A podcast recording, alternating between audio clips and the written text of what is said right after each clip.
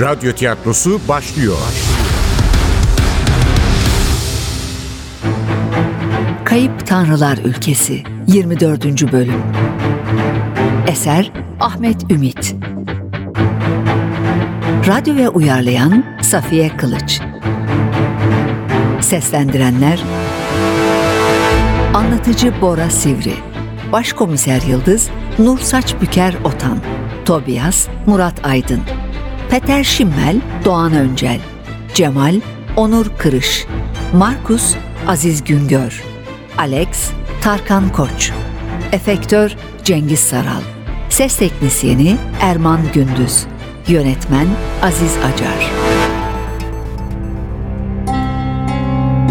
Olimposluları ölmezleştireceğim ya da ölmez ailesini Olimposlulaştıracağım. Bayılırdı böyle kelime oyunlarına. Bunları anlatırken yüzünü görmeliydiniz. Nasıl inatçı, nasıl tutkulu, nasıl büyük bir heyecanla konuşurdu anlatamam. Nitekim söylediğini de yapmaya başlamıştı. Bence çok da ilginç bir çalışma ortaya çıkacaktı ama olmadı. Kader mi, şanssızlık mı adına ne dersek diyelim engel oldu işte bu yetenekli adama. Siz bu açıklamaya inandınız mı? Elbette inandım. Niye inanmayayım? Belli ki Pehlivan Efendi'nin hastalığı kaç kuşak sonra torunlarından Cemal'i esinlemiş. O da aile bireylerinin yüzlerini Zeus altarında yer alan heykellerdeki tanrılara, titanlara vermek istemiş. İnanmamam mı gerekiyordu yoksa? Benden bir şey mi saklıyorsunuz? Cemal hakkında bilmediğim ayrıntılar mı var? Sesi oldukça gergin çıkıyordu. Şefin fevri davranıp adamı tersleyeceğini düşünen Tobias araya girerek konuyu değiştirmeyi denedi. Her sene gider miydi Pergamon'a? Giderdi. Bazen yılda iki kere. Hatta geçen yıl beni de götürmüştü. Gerçekten etkileyici bir yer. Epeyce yakınmışsınız. Sizin yüzünüzü de tanrılardan birine verecek miydi? Hayır, elbette vermeyecekti. Ben ölmez ailesinin ferdi değilim ki. Ama sıra dışı bir patronsunuz. Patronu değil, dostu. Bu şirket için tanışmıştık ama sonra arkadaş olduk. Cemal dostumdu benim. Aramızdaki ilişki işle sınırlı değildi. Ama sizin sandığınız gibi bir aşk ilişkisi değildi. Kardeşim gibi severdim onu. Eğer Cemal'i yeterince tanıyorsam bu proje konusunda yalan söylememiştir. Söylemesi için de bir neden yoktu zaten. Size katılıyorum. Haklısınız. Cemal'in gerçeği saklaması için bir neden yok. Ama takdir edersiniz ki biz de bütün ihtimalleri değerlendirmek zorundayız. Sahi, şu tehdit mektubu nerede? Bir an duraksadı Peter. Kendini yatıştırmak istercesine başını salladı. Sonra çevik bir hareketle masanın arkasına geçip alt çekmecelerden birini açtı. Elini çekmecenin içine uzatıyordu ki Siz dokunmayın, biz alalım. bunları söylerken elini deri ceketinin iç cebine sokmuş, plastik bir eldiven çıkarmıştı bile. Polislere kibarca davrandığı halde pek de anlayışlı bir tavırla karşılaşmayan Peter geri çekilmiş, yadırgayan gözlerle izliyordu bu titiz çalışmayı. Elbette Yıldız'ın dikkatinden kaçmadı bu hiç de dost olmayan bakışlar. İzah etme gereği duydu. Telefonda da söylediğim gibi. Mektubu yollayanların parmak izlerini bozmamamız gerek Bay Şimmel. Parmak izi yargıçların en sevdiği kanıtlardandır. Kanıt bozulursa ne soruşturulacak bir cinayet kalır ortalıkta ne de bulunacak bir katil. Masanın arkasına geçti. Yana çekilerek çekmecenin önünü boşaltan şirket sahibine minnettar bir gülümsemeyle karşılık verdi. Eğildi, çekmeceye baktı. İçeride sarı bir zarf duruyordu. Bu mu? Evet, evrakların üstündeki. Okuduktan sonra zarfın içine koydum yeniden. Yıldız eldiven geçirdiği sağ elinin işaret ve baş parmağını kullanarak aldı zarfı. Kapağını açtı. Yine iki parmağını kullanarak içindeki açık sarı renkteki kağıdı çıkardı. Yüksek sesle okudu. Aşağılık Türk. Yaptıklarınız yanınıza kar kalmayacak. Hepsinin hesabını vereceksiniz. Saygısızlığınızın bedelini kanınızla ödeyeceksiniz. Hazır olun. Yakında. Çok yakında. Evet. imza olarak da gamalı haç kullanmışlar. Parmak izi bırakmışlar mıdır? Umarım bırakmışlardır. O zaman işimiz çok kolaylaşır.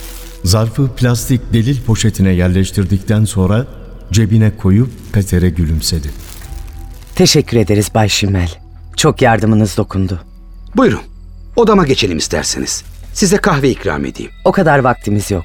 Şu mektubu bir an önce kriminal laboratuvara yetiştirmeliyiz. Ama gitmeden önce odaya göz atmak istiyoruz. Tabii buyurun.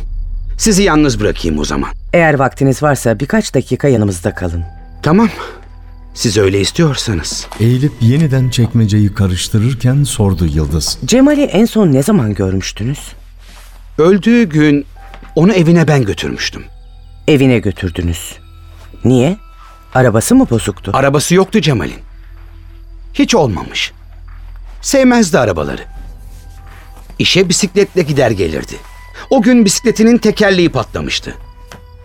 Bir saat kadar beklersen seni bırakırım dedim. Zaten daha önce de defalarca bırakmıştım evine. Ama işim uzun sürdü. İki saat sonra çıkabildik. Cemal de sabırsızlanmadı.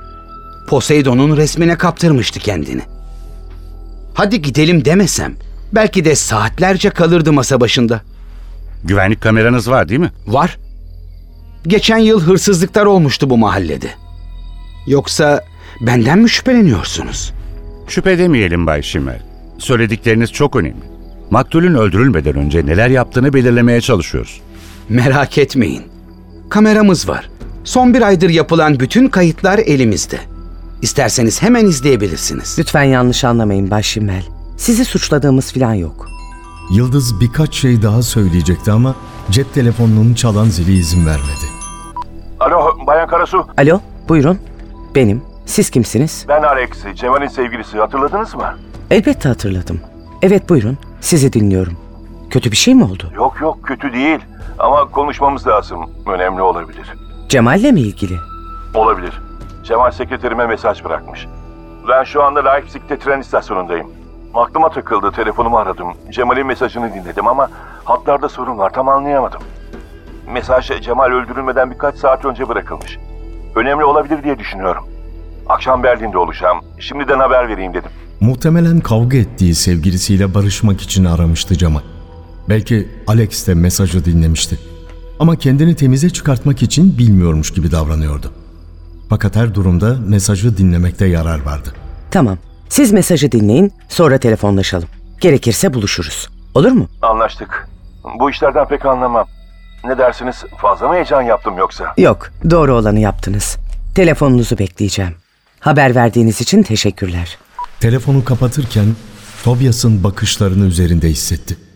Başıyla sonra konuşuruz işareti yaparak Peter'e döndü. Evet, ne diyorduk? Bizimle işbirliği yaptığınızın da farkındayız. Lütfen kişisel bir mesele olarak görmeyin. Ama siz de dahil herkesin maktulle ilişkisini araştırmak zorundayız. Bu vaka giderek daha karmaşık bir hal alıyor. Ne yazık ki Cemal'in dedesi Orhan Ölmez de katledildi. Ne? Şu Alzheimer olan ihtiyarcık mı? O adamcağızın kime ne zararı olabilir ki? Tanıyor muydunuz? Hiç karşılaşmadık. Ama Cemal videosunu çekmişti. Onu izlemiştim. Kendini Türkiye'de zannediyordu. Çocukluğuna geri dönmüştü sanki. Almanca konuşmayı unutmuş. Herkes de Türkçe konuşuyordu. Çok sevimli bir adamdı. Yazık. Çok yazık. Yani birileri ölmez ailesinin fertlerini tek tek ortadan mı kaldırıyor? Yoksa Naziler mi? Anlayacağız Bay Şimmel. Umuyorum ki çok yakında anlayacağız.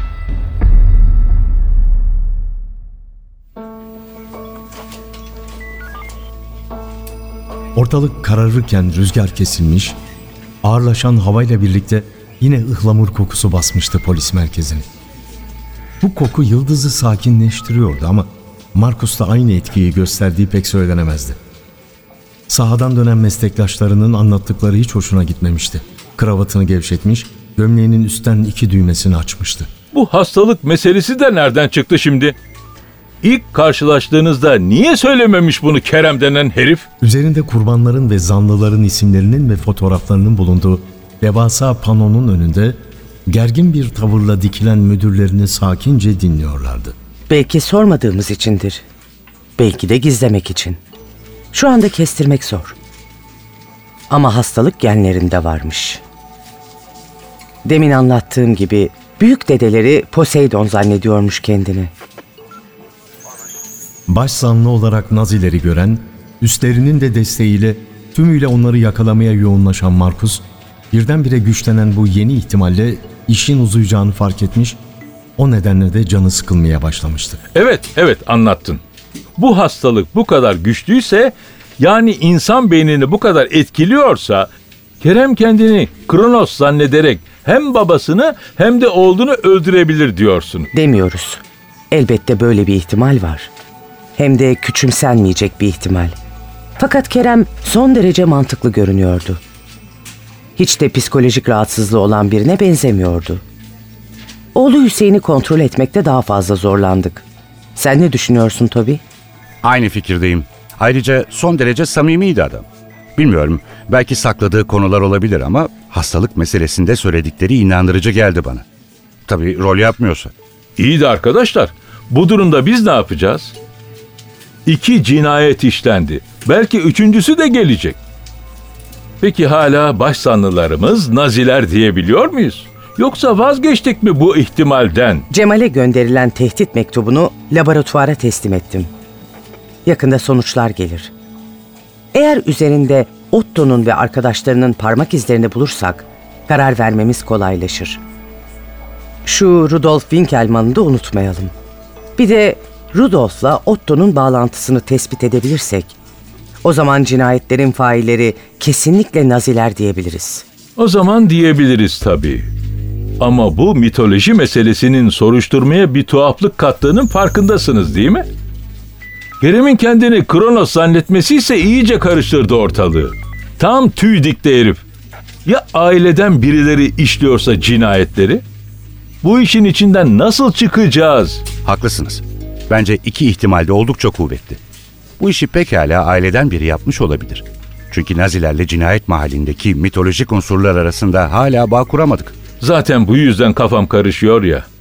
Bu cinayetler aklını Zeus'la bozmuş bir psikopatın işi olsaydı vakayı çözmek çok kolay olurdu. Yahut yabancıları korkutmak isteyen ırkçı manyakların yaptığından emin olsaydık pek zorlanmazdık. Ama şu anda ne düşüneceğimi bilemiyorum. Aslında iki değil, dört ihtimal var. Panoya iliştirilmiş fotoğraflar arasında önce bateristin, sonra da arkeoloğunkini gösterdi Yıldız. Naziler ölmez ailesi derken Cemal'in sevgilisi Alexander Werner'le kuzeni Haluk Ölmez'i unutmayalım. Alex suçu üzerinden atmak istiyor. Bugün beni aradı. Güya bize yardımcı olacakmış. Cemal onun telesekreterine mesaj bırakmış. Bu akşam yeniden arayacak. Bakalım neler yumurtlayacak. Alex'in de Cemal'i öldürmesi için yeterli nedeni var. İyi de Alex kendisine hiçbir zararı olmayan yaşlı bir adamı niye öldürsün? Öyle değil mi? Üstelik ilk kurbanın Orhan Ölmez olduğunu düşünürsek bateristin bunu yapması çok saçma değil mi? Evet, saçma görünüyor. Ama tutkusunun esiri olmuş insanların karşısındakine zarar vermek için yapamayacağı kötülük yoktur. Kendisini terk eden kadının çocuğunu öldürenler mi dersin? Boşanmak isteyen karısının annesini, babasını hunharca katledenler mi dersin? Orhan dede Cemal'in ailede en çok sevdiği kişiydi. Alex'in psikolojisini tam olarak bilmiyoruz. Ancak şiddete başvurmaktan çekinmeyen biri olduğunu biliyoruz. Kendisini terk eden Cemal'den intikam almak için yapmış olamaz mı? Cemal'in başka bir sevgili bulmuş olabileceğini bizzat kendisi söylemişti. İhanet eden sevgilisine acı çektirmek istemiş olamaz mı? Cemal'i niye öldürdü o zaman? Belki Cemal Alex'in dedesini öldürdüğünü öğrendi. Belki de acı çektirmek için bizzat Alex söyledi bunu ona. Sonra sevgilisini de ortadan kaldırarak bu işi kökten halletmeye karar verdi. Sorulara inandırıcı yanıtlar vermeye çalışmasına rağmen Yıldız'ın sesi kararlılıktan yoksundu. Tobias da farkındaydı bunun. Bence Haluk'un katil olması Alex'ten daha büyük ihtimal. Arkeoloğun Cemal'i öldürmek için bateristen daha güçlü nedenleri var. Üstelik mitolojiyi de, Zeus altarının hikayesini de çok iyi biliyor. Yani Olimposlu tanrılar üzerinden bir mesaj verilecekse bunu Haluk'tan daha iyi kimse yapamaz. Bir süredir Cemal'le de irtibatları yokmuş. Ailem üzülmesin diye görüşmeyi kestim diyor ama gerçek öyle mi bakalım? Olabilir tabii. Haluk'u göz ardı etmeyelim. Ama öteki iki kişinin üzerine yoğunlaşmak daha doğru geliyor bana. Haklısın şef. Şu anda dört farklı zanlı var elimizde. Ancak bence mercek altına almamız gereken şahıslar Haluk Ölmez'le Rudolf Winkelmann. Bir an önce şu Winkelmann'la konuşsak iyi olur. Az önce sabıka dosyasından bulup panoya yapıştırdıkları fotoğrafı gösterdi Toby. Rudolf Winkelmann'ın yüzünün sol tarafındaki yara izi belli belirsiz göze çarpıyor, fotoğraf çok iyi çekilmemiş olmasına rağmen sol gözünün cam olduğu ilk bakışta fark ediliyordu. Evet, bir an önce Winkelmann'la konuşmamız lazım.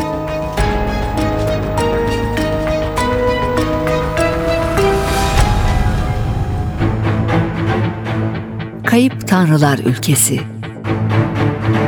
Eser Ahmet Ümit Radyo ve uyarlayan Safiye Kılıç.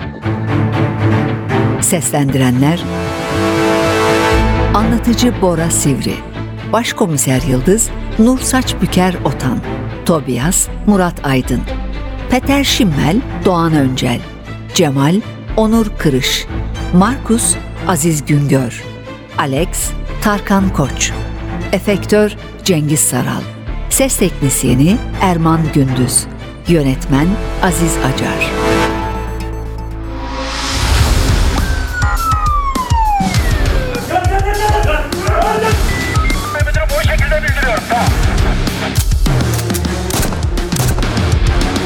Radyo tiyatrosu sona erdi. Radyo tiyatrosu her cumartesi 11.30'da NTV Radyo'da. Kaçıranlar ve tekrar dinlemek isteyenler içinse ntvradio.com.tr'deki podcast sayfamızda.